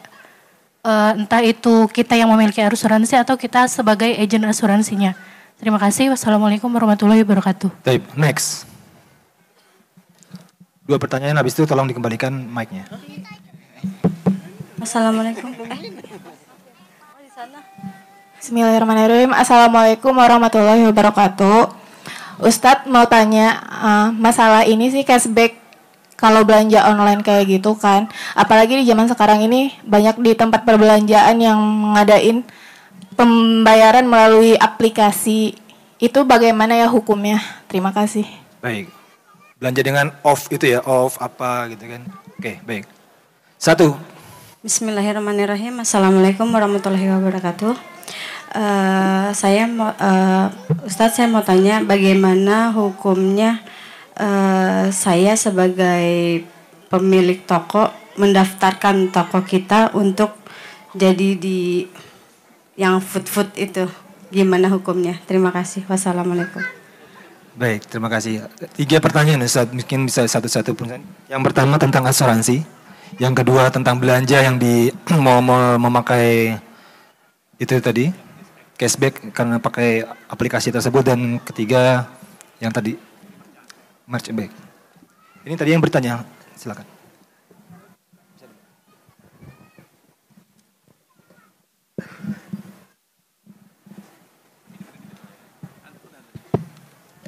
Bismillah.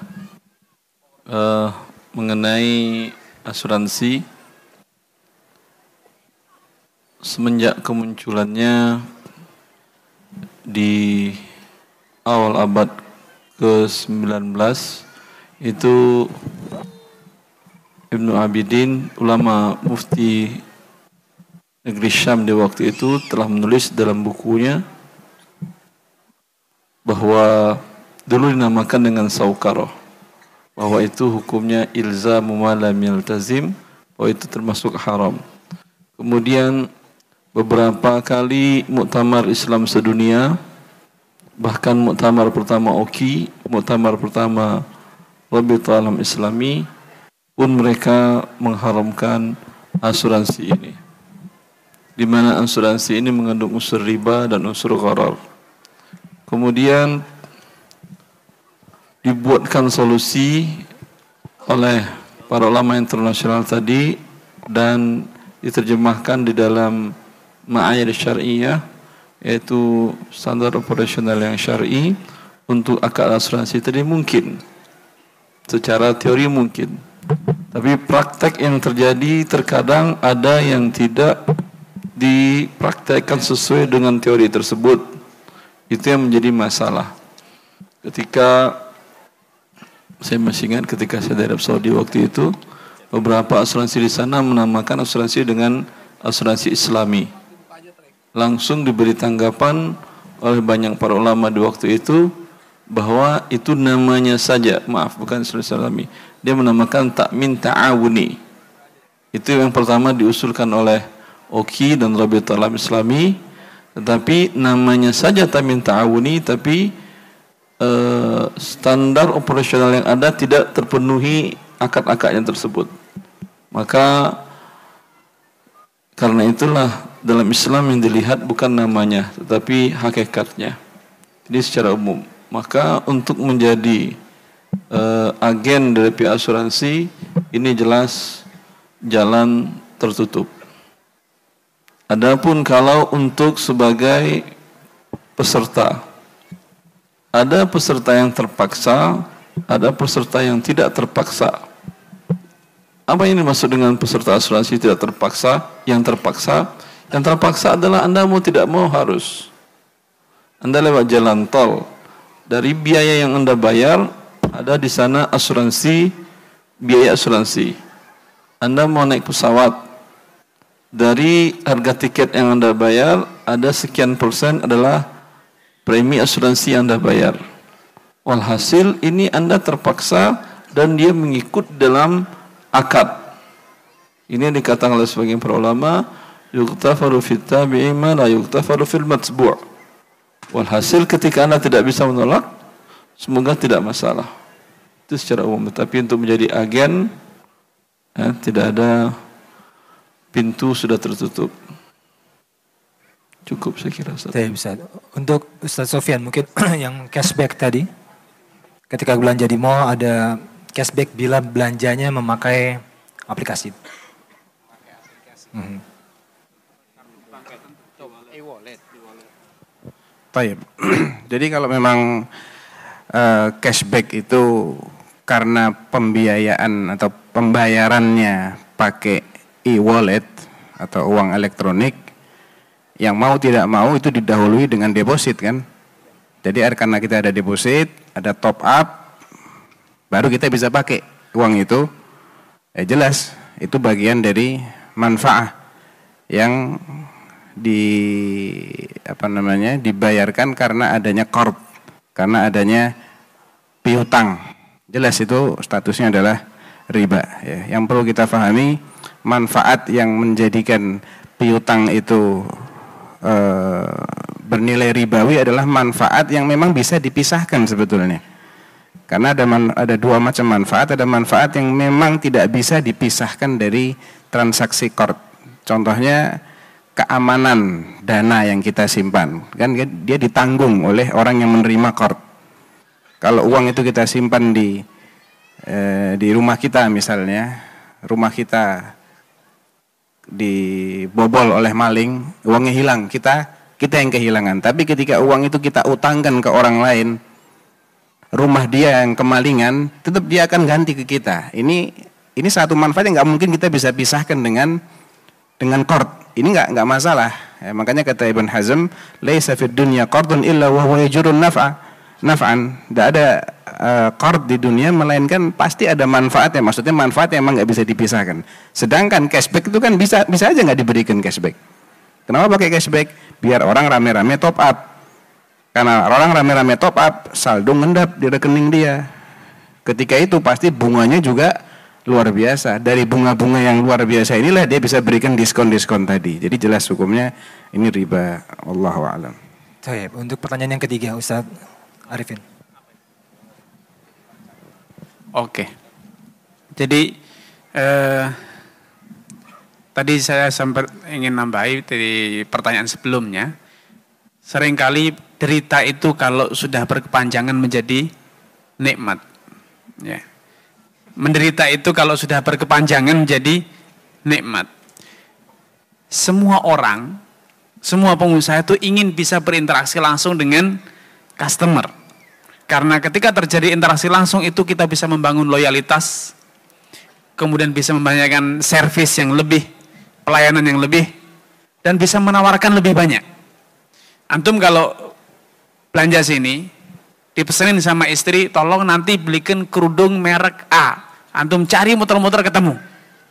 Setelah ketemu, bagian pemasarannya atau yang penjaga standnya akan mengatakan, Pak ini juga bagus loh Pak. Kalau dipasangkan dengan kerudung itu lebih cantik Pak istrinya.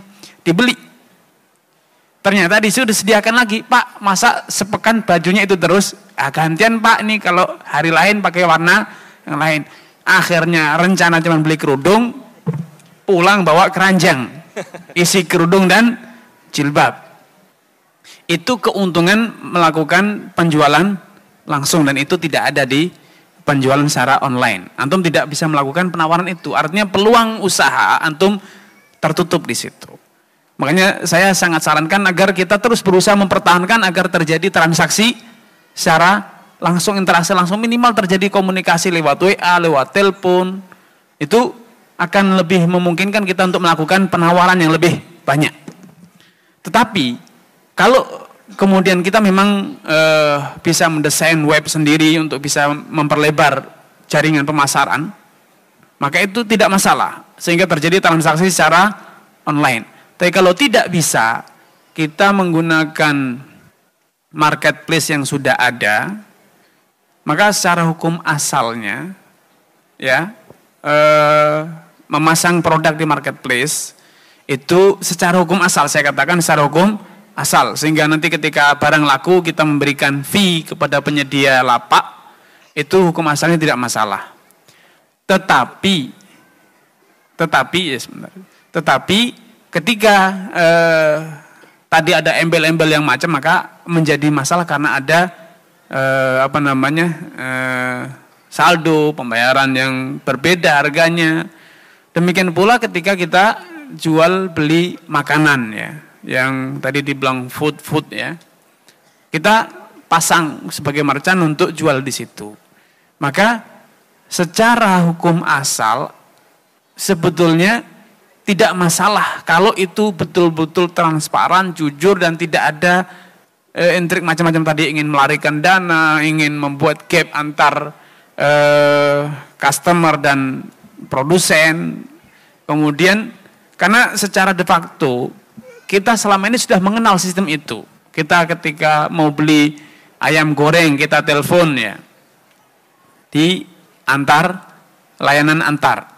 Itu terjadi transaksi tidak langsung. Kita transfer, dicek dari rekeningnya masuk, kemudian atau bayarnya kepada drivernya.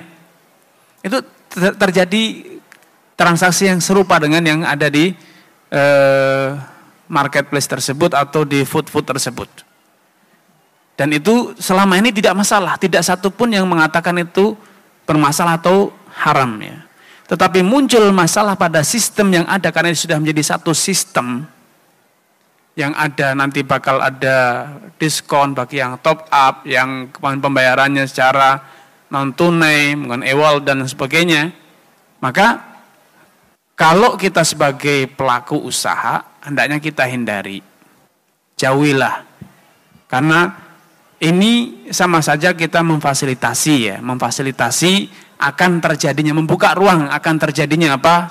Praktek-praktek yang menyimpang, yaitu adanya diskon, perbedaan harga tatkala terjadi transaksi bagi orang yang telah top up dan yang sebagainya. Karena itu saya sarankan hindari.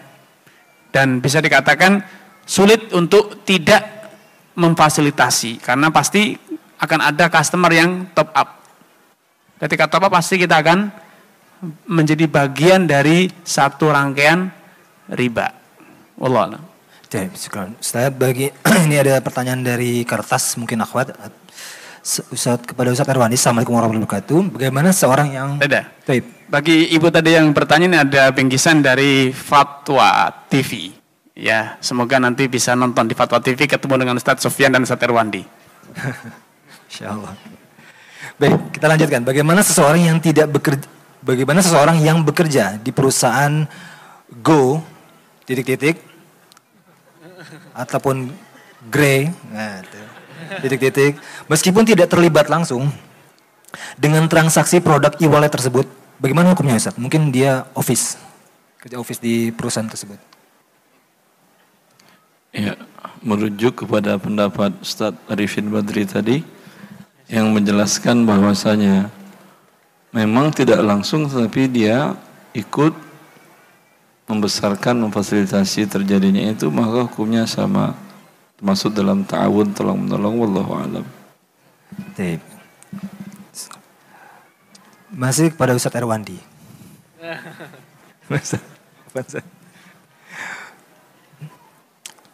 Uh, Ana tahun 2015 dapat undian mobil Fortuner 2015 mobil Fortuner dari pameran PRJ. Pajaknya sekitar 25 persen. Pertanyaannya, bolehkah mobilnya untuk dipakai sebelum laku dijual? Seandainya laku dijual, apakah boleh pajak yang 25 persen tersebut diambil dan diinfakkan dan diinfakkan dan ke mana hasil uh, dan hasil penjualannya baik.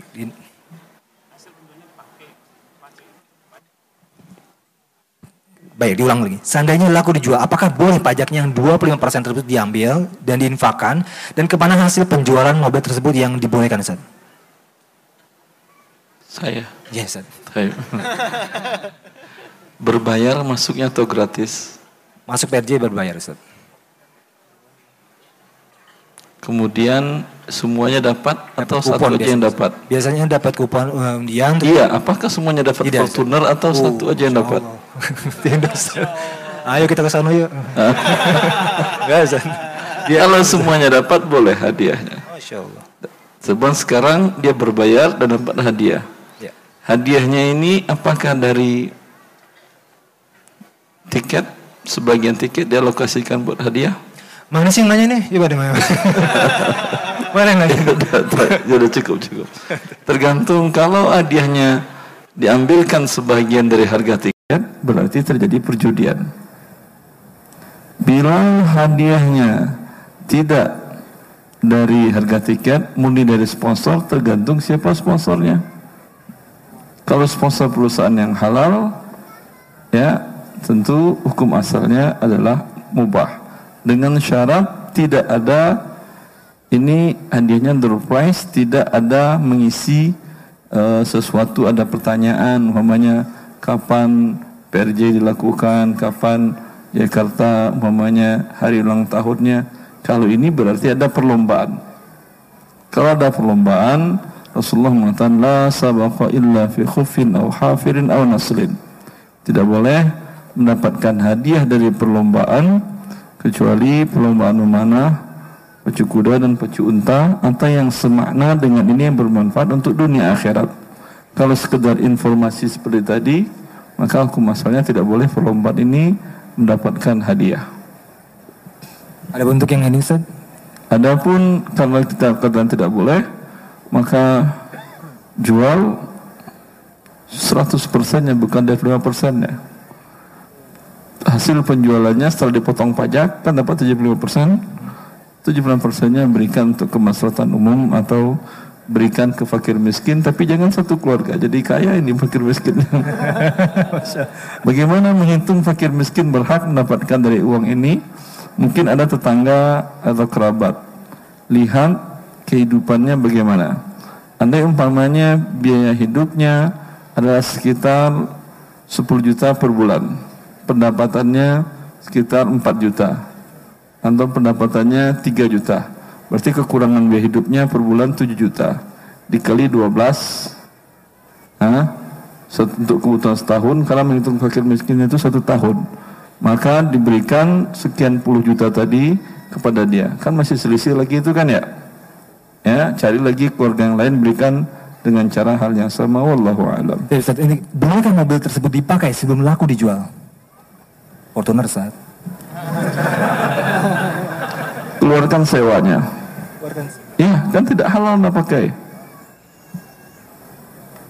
Gak halal dipakai. Oh, ya. Boleh nih yang nanya nih dapat hadiah nih. Coba mana yang nanya? Tunjuk tangan.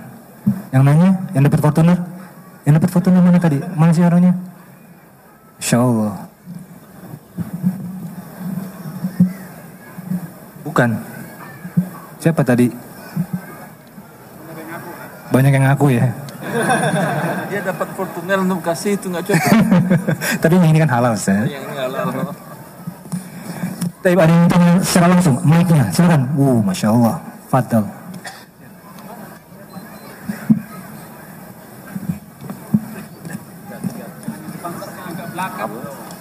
Ya, biasanya dilempar ke belakang ya. Nggak yang sebelah ini di belakang. Assalamualaikum warahmatullahi wabarakatuh. Jangan di jangan digituin. Nanti ada feedback. Eh, bagaimana hukumnya sebenarnya kalau bakar-bakar uang yang tadi disebut itu? Boleh nggak sih sebenarnya untuk menarik perhatian kita membakar uang? Mbak, membeli. Bakar uangnya dalam kata tanda kutip kan? Ya. Bukan. Bukan. Oke. Lapor polisi ntar antum. Satu lagi deh sekalian. Dua deh. Tiga, tiga. Lima, enam, tujuh. Antum, habis itu bapak yang sebelah sana. Dua dulu. Oke, Assalamualaikum warahmatullahi wabarakatuh. Eh, mau bertanya sama Ustadz, apa hukumnya eh, sebagai broker? Jadi semisal teman saya jual motor Ustadz, 20 juta. Kemudian saya eh, bilang lagi ke kawan saya gitu, ya, ada nih motor 25 juta. Eh, kemudian si calon pembeli mau beli motor itu, tapi tidak berjumpa dengan si pemilik motor. Jadi berjumpanya dengan saya. Motornya itu saya bawa, kemudian deal eh, cash gitu ya, 25 juta. Lalu saya kasih 20 jutanya itu ke ya- si pemilik motor. 5 juta buat saya. Ah, itu apa hukumnya Ustaz? Teman tadi mengatakan apa kepada Anda? Eh, saya mau jual motor nih 20 juta. Terus? Nah, terus saya bilang, oke deh saya bantuin, saya bantu jual gitu. Ah, terus ada kesepakatan berapa untuk Anda? Nggak ada, biasanya karena Kalau nggak ada kesepakatan, nggak boleh Anda ambil satu sen pun keuntungan. Ah, kecuali kecuali kalau kalau misalnya di, diketemukan Berarti Anda dapat pahala udah. Iya karena kan eh, banyak yang sekarang terjadi eh, broker motor itu seperti itu apalagi motor-motor besar Kal- sebetulnya mudah. Kalau Anda belajar fikih, gampang solusinya agar dapat halal. Katakan kepada dia, berapa dari kamu saya boleh jual berapa aja atau bagaimana bentuknya. Oh, jadi ada akad Seperti dikatakan oleh Ibnu Abbas, bi hadza thawba bi kadza, ama fawqahu fahuwa lak. Ibnu Abbas mengatakan, jual kain ini dari saya harga sekian.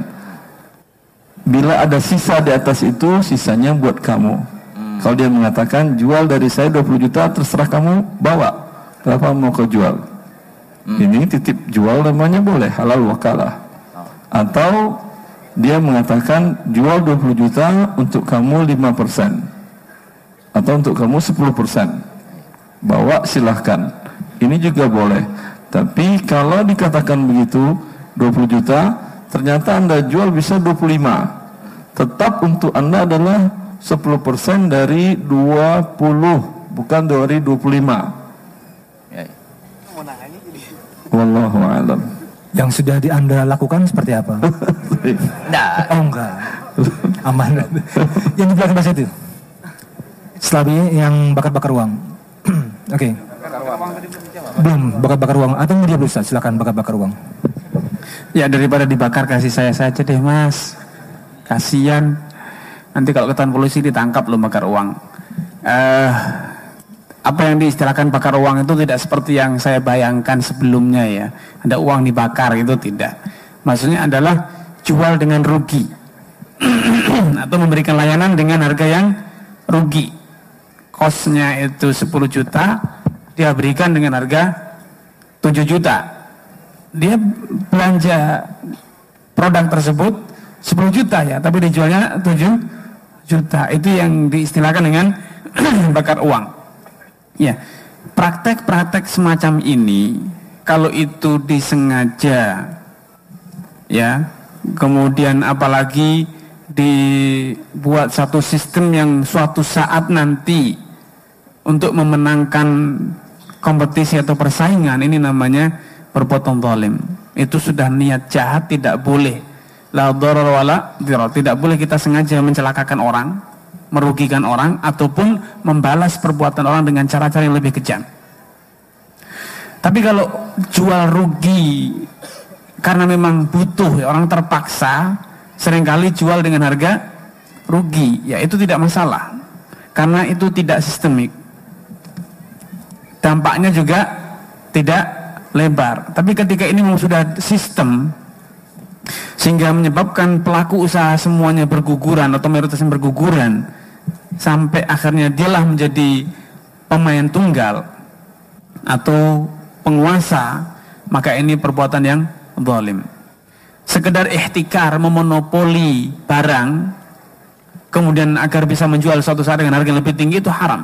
Demikian pula menjatuhkan harga barang agar para pedagang rugi itu juga hukumnya haram. Makanya sistem bakar uang ini bisa dikatakan ada di semua yang namanya place-place dan yang online-online tadi itu. Sehingga dari situ kita harus mulai bisa melihat bahwa eh, di balik semua yang online itu, apalagi yang besar-besar, sebetulnya adalah ada gerakan sistemik untuk memonopoli ekonomi masyarakat dan menjatuhkan ekonomi masyarakat karena ada filosofi ini ya kalau dibilang politik ya politik. Kalau dibilang siasah ya siasah. Kalau dibilang ini sebuah hikmah ya hikmah. Ada filosofi Arab mengatakan cawe kelbat yang kadu lat jadikan anjingmu kelaparan maka engkau akan bisa melatihmu menjadi sirkus.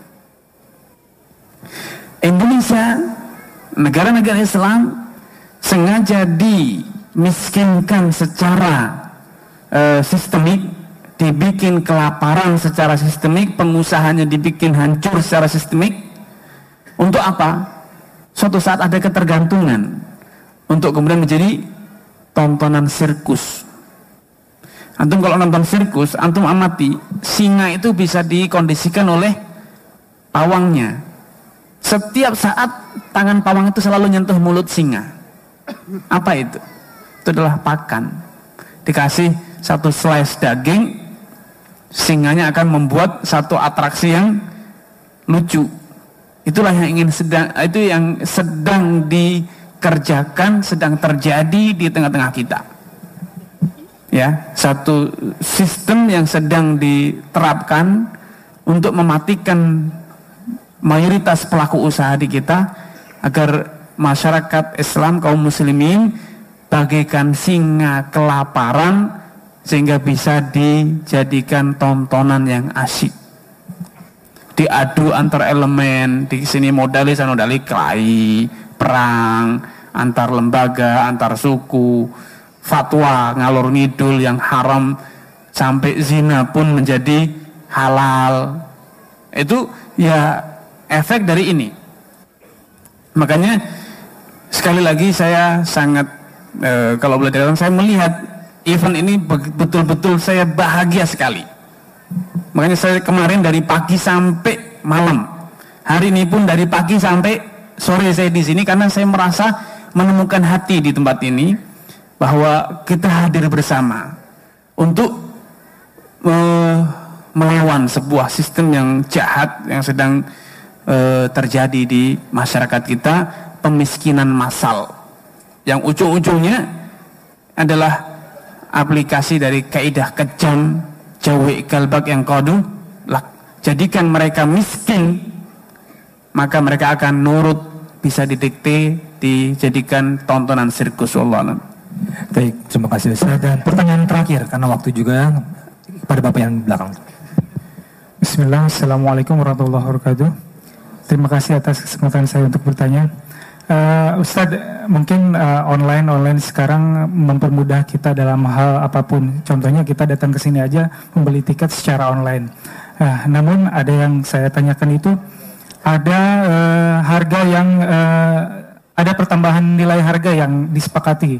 Uh, Afwan, misalnya untuk tiket masuk ke sini aja itu 25.000 jika bayar online ada nominal nilai yang ada kelebihannya misalnya 25.000 dua rupiah atau dua puluh rupiah dengan alasan untuk uh, mempermudah verifikasi atau transaksi. Apakah itu uh, hukumnya seperti apa Ustaz? Mungkin untuk uh, marketplace juga seperti itu. Jika kita membeli barang 100 ribu atau 200 ribu misalnya, ada kelebihan uh, uang untuk uh, verifikasi. Itu aja. Saya kalau Assalamualaikum warahmatullahi wabarakatuh. Silakan. Ya, eh, nominal unik atau nomor unik atau kode unik itu itu hanya sekedar untuk verifikasi dan insya Allah halal karena antum ketika melakukan transaksi antum tahu bahwa harga tiketnya misalnya 50 ribu satu rupiah atau 17 rupiah. Antum mau kok makanya antum play ya. Kemudian akhirnya antum jual uh, maaf antum beli. Berarti kan terjadi taradin asas suka sama suka rela sama rela terjadi. Dan sini tidak terjadi riba. Tidak ada riba karena tidak ada uh, potongan. Justru yang terjadi ada penambahan. Kalau harga dasarnya 500 pasti angka uniknya itu adalah 500 sekian bukan malah dipotong. Itu ya eh, yang saya ketahui seperti itu. Jadi ada penambahan angka uniknya untuk verifikasi eh, siapa yang bertransaksi. Dan itu insya Allah halal tidak masalah Allah alam. Baik, nampaknya itu Eh, satu poin lain mana? Tadi memang tadi ya sekali lagi saya ingin menggarisbawahi bahwa kita tidak anti dengan yang namanya online. Yang jadi masalah adalah kita harus tahu batasan-batasan bertransaksi secara online kapan boleh, kapan tidak boleh. Ada transaksi-transaksi yang haram, baik itu online ataupun offline. Yang kita permasalahan dari awal tadi adalah adanya selisih harga, adanya diskon, adanya potongan, kemudian ada talangan, itu yang selalu kita permasalahkan. Jadi bukan masalah online. Makanya waktu suatu saat dari salah satu perusahaan yang tadi kita bicarakan ya, insya Allah tahu semuanya, datang ke kantor Dewan Fatwa Perhimpunan Al-Irsyad.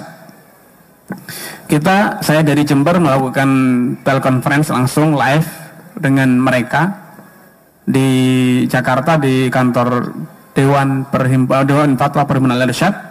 Kita diskusi, kita sadorkan solusi, kita tawarkan solusi yang eh, insya Allah sesuai dengan norma-norma dan hukum-hukum syariat. Tapi sampai sekarang juga tidak ada eh, responnya karena solusi yang kami tawarkan itu akan membuat tembok pagar yang tebal agar tidak terjadi monopoli. Tidak terjadi pemiskinan massal, tidak terjadi jurang yang sangat lebar antara setiap pelaku ekonomi dari penjual, produsen eh, dan lain sebagainya. Wallahu alam. Baik, kalau Ustaz atas jawaban-jawabannya dan waktu dan juga ilmu yang bermanfaat ini. Tadi pertanyaan terakhir, banyak pertanyaan-pertanyaan yang masuk ke meja. Masya Allah, ada door prize umroh. Bukan itu buat saya, Ustaz tadinya. Silakan Ustaz. Monopoli. Silakan Ustaz. Jadi pertanyaan ini eh, dari atau hadiahnya dari PT Thayyibah Multazam Group salah satu peserta di MLF booth P79 dan 80 belakang situ ya nggak jauh Al Mutazam ya Ustaz ya. Iya Thayyibah Multazam Tapi pertanyaannya hanya bisa untuk satu orang tapi harus Panitia boleh ikut atau siapanya? Panitia peserta aja lah. Ya panitia udah dapat pahala insya Allah ya. insya Allah kalau dia umrah panitia dapat pahala umrahnya juga. Tapi pertanyaannya eh, sebutkan empat alasan ya berdasarkan pemaparan ustadz-ustadz yang ada di sini ya kenapa kita harus mewaspadai sistem marketplace yang sekarang lagi mencuat Waduh Ustaz, tunjuk Ustaz. apa yang pertama kali tadi Tunjuk Ustaz. Yang pertama sekali ini Ustaz. yang Iya, ini ya ini. Ah, Baik. ya silakan. empat alasan Hmm. Ya, Bismillahirrahmanirrahim. Assalamualaikum warahmatullahi wabarakatuh. Eh, empat alasan eh, mengapa kita harus mewaspadai transaksi online, Ustaz ya. Yang pertama eh, bahwa sistem ini adalah sudah sistem yang direncanakan secara sistemik, banyak dampak yang banyak dampak buruk yang bisa terjadi misalnya adalah nantinya ada monopoli yang akan merusak pedagang-pedagang. satu Yang kedua, eh, eh, ba- muncul eh, bahaya atau mudorot yang bisa ditimbulkan dari transaksi digital payment e-wallet tadi, Ustaz. Karena dengan adanya code atau deposit yang berangkat code, maka akan banyak kemungkinan terjadi riba. Karena di sana kita akan mendapatkan cashback dan lain sebagainya. dua Masya Allah Yang ketiga, Separuh perjalanan. Turun di India itu.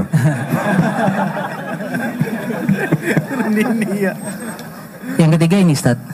Saya menangkap dari pernyataan Ustadz Arifin Badri bahwa uh, dengan misalnya kita ada digital payment bahwa uang akan berpusat pada segelintir orang saja dan dampaknya sangat, sangat sistemik secara keuangan uh, secara keuangan secara makro karena kenapa? Karena di sana uh, ada satu yang akan berkuasa dan terjadi manu- migration lagi Ustaz ke- berpindah ke bahkan ke negeri luar yang nantinya justru ini akan menyebabkan instabilitas keuangan saat itu. Tiga. Yang keempat ada Qatar, Qatar, Qatar. Sampai Qatar. yang keempat ini Ustaz. Eh, dengan sistem online tadi Ustaz, eh, maka akan kan di sana ada supply chain Ustaz, ada distribu produsen, distributor besar, besar kecil sampai konsumen, maka akan terjadi pemutusan langsung distributor yang akan memotong banyak pelaku usaha di sana dan pelaku ekonomi di sana. Sehingga eh, dari dari supply dari channel tadi Stat akan banyak yang merugi dari eh, karena akan banyak VU, eh, pekerja atau karyawan yang akan eh, nganggur gitu Stat. Naik. Barakallah. Sampai Saudi. Masya Nama nama Nama Amrial Ustaz. Sudah menikah? Belum. Ustaz. Nah, tadi tuh di ada TV dan di situ, jadi aku tahu bisa ngeliat, ya kan? ya kan? Belum menikah dua dua dua dua tiket Ustaz? Apa satu? Satu, satu. tiket. Belum menikah, pinter masya Allah, menangkap dengan jenis sekali Ustaz ya, dengan ilmu yang tadi. Padahal nggak nyangkat ya. Ustaz. Mantap, masya Allah. Dia tidak mendapat kebagian bertanya, tapi mendapat bagian umroh. Masya Allah. Free ticket. Free ticket. Eh, free ticket. Visa ini enggak ya untuk yang dokumen-dokumen silakan sendiri. Sangu dewe. no. Sangu dewe. Tiket aja. Oh, masya Allah. Syukur Ustaz Jazakumullah khairan atas ini dua plus yang luar biasa ini dan kepada antum semoga diberikan kemudahan nanti perjalanan ke sananya dan kepada antum semua yang hadir di sini semoga mendapatkan berkah dan mendapatkan ilmu yang bermanfaat dan bagi Anda yang mungkin masih ingin bertanya kepada narasumber kita, Ustadz Erwandi di pekan keempat di Blok M Square sore dan kami subuh di Roja TV dan kepada dan juga Ustadz Sufyan Baswedan dan juga Ustadz Arifin ada di Fatawa TV. Baik, jazakumullah khairan barakallahu fikum. Wassalamualaikum warahmatullahi wabarakatuh. Jazakumullah khairan barakallahu fikum. Video ini dibuat atas partisipasi dari donasi Anda. Semoga menjadi amal jariah bagi Anda semuanya.